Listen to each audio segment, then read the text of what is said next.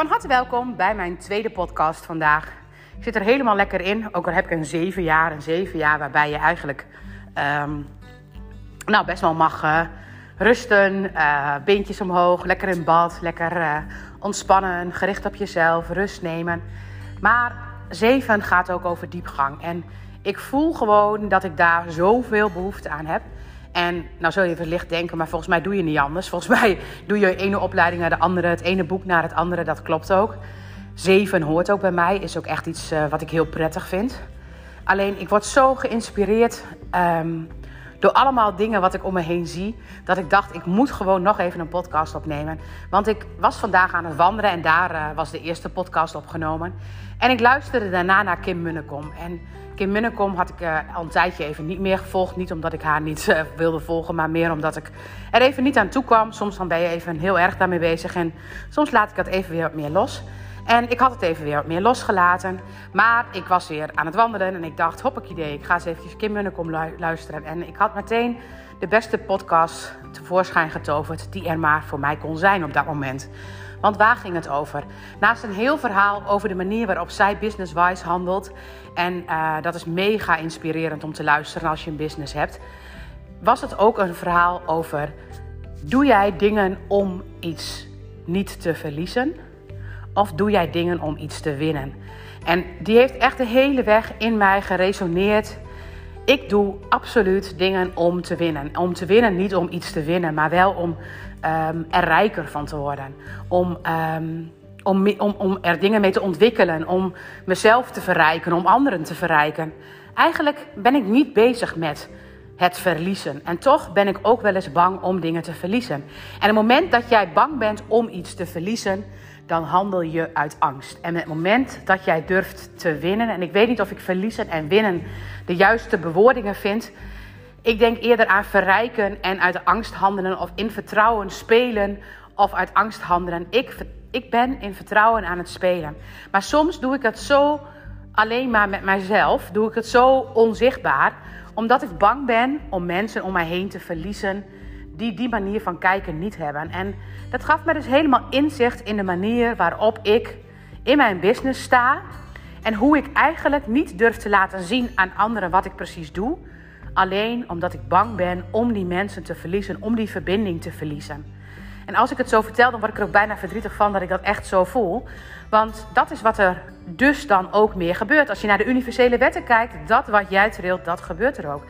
Oftewel, als ik tril dat ik bang ben om mensen te verliezen uh, als ik voor mijzelf ga staan, dan tril ik dat. En als ik dat tril, dan is dat ook wat ik krijg. Dus ik kan het echt, ik kan iedereen zeggen van ja, en die staat er niet voor open en die staat er niet voor open. Misschien waar, geen idee. Maar als ik anders tril, zal ik het ook anders gaan ervaren. En ik ga dus deze mensen niet alles vertellen over mijn business. Niet alles vertellen over wat ik allemaal leuk vind. Ik hou me altijd een beetje in. Ik bescherm mezelf omdat ik bang ben hun te verliezen. Oftewel, ik doe dus toch iets waar ik bang ben om iets te verliezen. Waar ik niet durf te gaan staan en durf te denken van... ja, maar dat verrijkt mij als ik dat laat zien. Als ik het helemaal durf te zijn, als ik het helemaal belichaam... dan laat ik er alles zijn wat er maar is. En natuurlijk onderweg mijmerend denk ik, oh ja, ik mag er gewoon helemaal voor gaan staan. Ik mag helemaal laten zien aan de hele wereld waar ik voor sta. Ik sta voor dat iedereen gewoon goud is. En dat alles wat niet als goud voelt, een oplossing ergens voor is. Daar sta ik voor. En soms weet ik die oplossing ook niet, maar alsnog weet ik zeker dat het zo is. En ga ik dus als een kleine detective uitzoeken waar dan toch eigenlijk dat wat jij tegenkomt een oplossing voor is. Waarom jij dat trilt, wat de andere kant van de trilling is. En als een detective snuffel ik na waarom, dat, waarom en hoe dat eventueel anders kan. En dat kan ik in elke situatie. Als jij mij vraagt van, goh ja, maar weet je, waarom, um, waarom ben ik dan ziek? Nou ja, wat heb je dan precies? En dan snuffel ik uit met de manier waarop ik heb geleerd leren te kijken bij de Germaanse geneeskunde en de manier waarop je bij mij de opleiding kunt doen van je lijf en brein zien. Daar leer ik je detective te worden op alles wat je lichaam en je geest, dus ook bij ADHD, ook bij leerproblematiek, waar is het een oplossing voor? Dat leer ik bij die opleiding aan iedereen. Dat kan iedereen namelijk. Het enige wat je maar nodig hebt is niet handelen uit angst, maar handelen vanuit vertrouwen. Want als jij iets wil oplossen omdat je ergens dat niet meer wil. Dus stel je voor, ik zou diabetes hebben en ik zou zo graag willen dat het opgelost zou zijn. Dan is de eerste vraag die ik zou stellen, maar waarom moet het opgelost zijn? Stel je voor, het is ergens een oplossing voor. En dat is het altijd. Het is altijd ergens een oplossing voor. Dus het moment dat je ziet dat dat wat jou aangedaan wordt, zoals we het eigenlijk zien, dat wat jou is overkomen en wat we ook nog kunnen zeggen van, oh, dat komt door het eten of oh, dat komt. Allemaal onzin. Totale onzin. Het moment dat we onszelf dat aanpraten, wordt het alleen nog maar erger. Het gaat erom dat het lichaam denkt dat hij meer suiker in het bloed moet brengen. En als hij meer suiker in het bloed wil brengen, dan doet hij dat ergens om.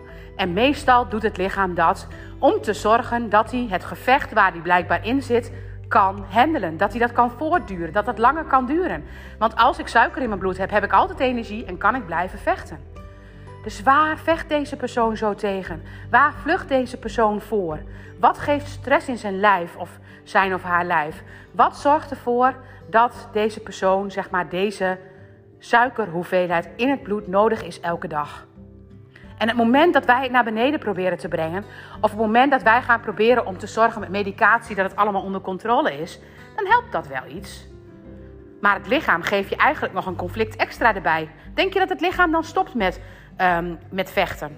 Nee, het lichaam gaat andere strategieën verzinnen om het vechten toch op te lossen. Het lichaam gaat niet zomaar het gevecht opgeven. Wat als je zo kunt kijken? En iedereen kan dat. Tijdens de training van je lijf en brein zien leer ik je dit. Je krijgt een basistraining met alles erop en eraan over elk deel van het lijf. En daarna ga ik je ermee leren spelen. Spelen met deze materie. Spelen met het hebben van vertrouwen in jouw brein en in jouw lijf. En dat is waar het allemaal om draait. Het moment dat jij dat wil gaan doen omdat je bang bent dat die diabetes van allerlei schade gaat brengen, dan ben je bang. Dan handel je uit angst. Dan heb je geen vertrouwen. Dan ben je bang iets te verliezen. Het leven te verliezen bijvoorbeeld.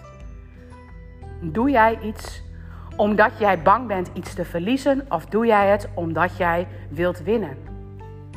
En winnen, verrijken, te groeien, te ontwikkelen. Ik ga door met allemaal dingen die ik doe, altijd vol energie, omdat ik het super leuk vind. Omdat ik ervan geniet.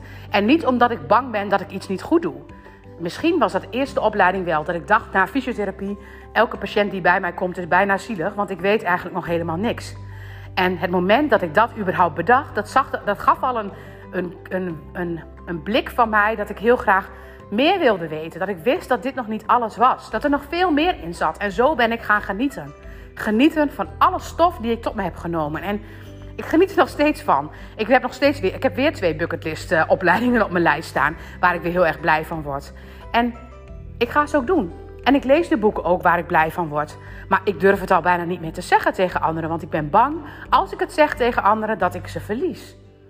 Maar oef, dat is nou precies waar het vandaag over ging. Bang om iets iemands te verliezen. Bang om iets te verliezen.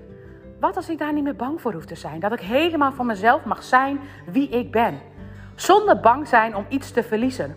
Een baan te verliezen, geld te verliezen, een partner te verliezen, familie te verliezen. Wat als ik helemaal mijn goud mag leven? Helemaal mijzelf mag laten groeien en ontwikkelen zoals ik dat graag zou willen zijn.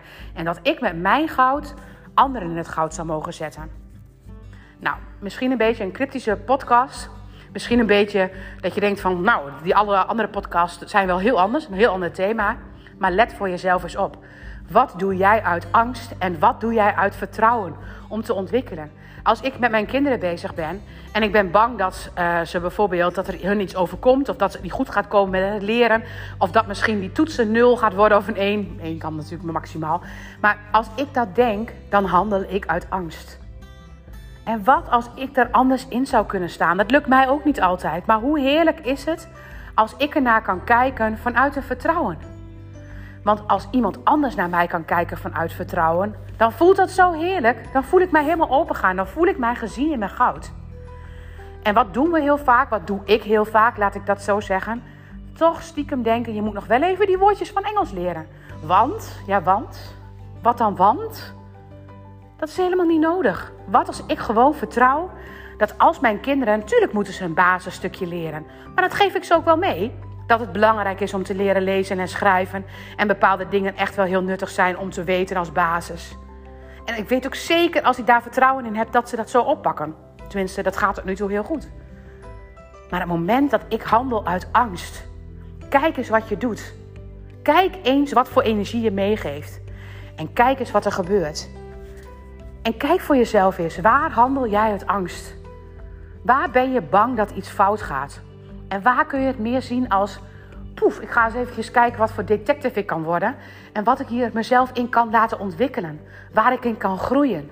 Zonder je schuldig te voelen over alles wat er is gebeurd. Want als je je schuldig voelt, handel je uit angst. Ik kan me heel schuldig voelen. En ik denk ook wel eens van, ach wat jammer dat het bij Jort de eerste bevalling, dat het zo ontzettend na verlopen is. Want dat is het. En natuurlijk loopt hij in zijn leven daar ook nog tegenaan. Maar blijkbaar was dat het beste wat we ons allebei konden overkomen. En voor mij is het belangrijk om goed te ervaren wat, waarom het voor mij zo goed was.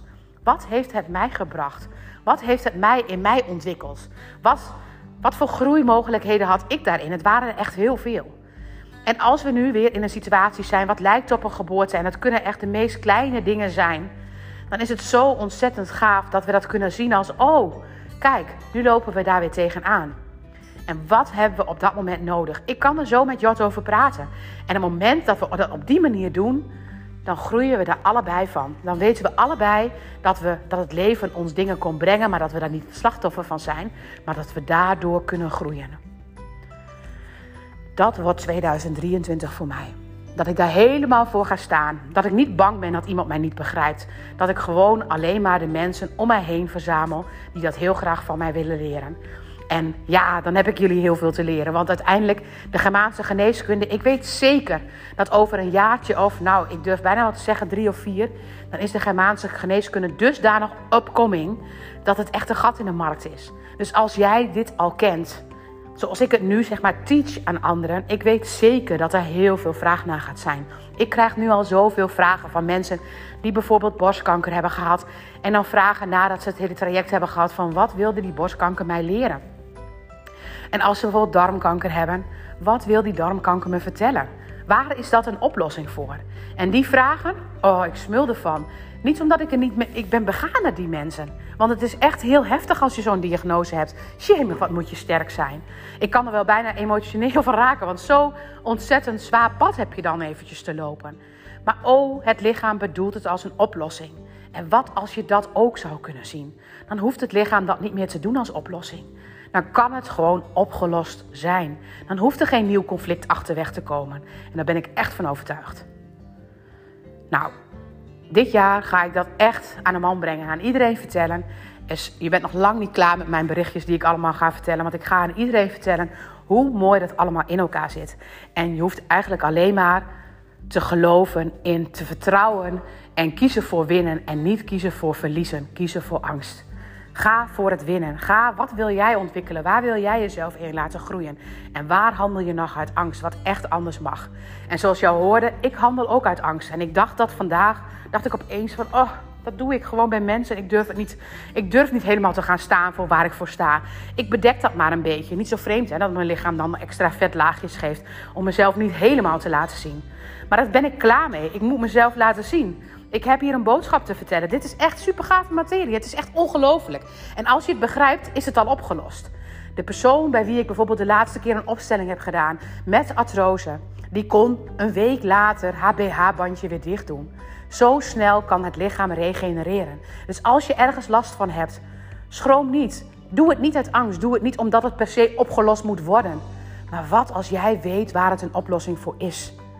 Er gaan deuren open en in het lichaam is er gelijk een heel ander verhaal. Dankjewel voor het luisteren.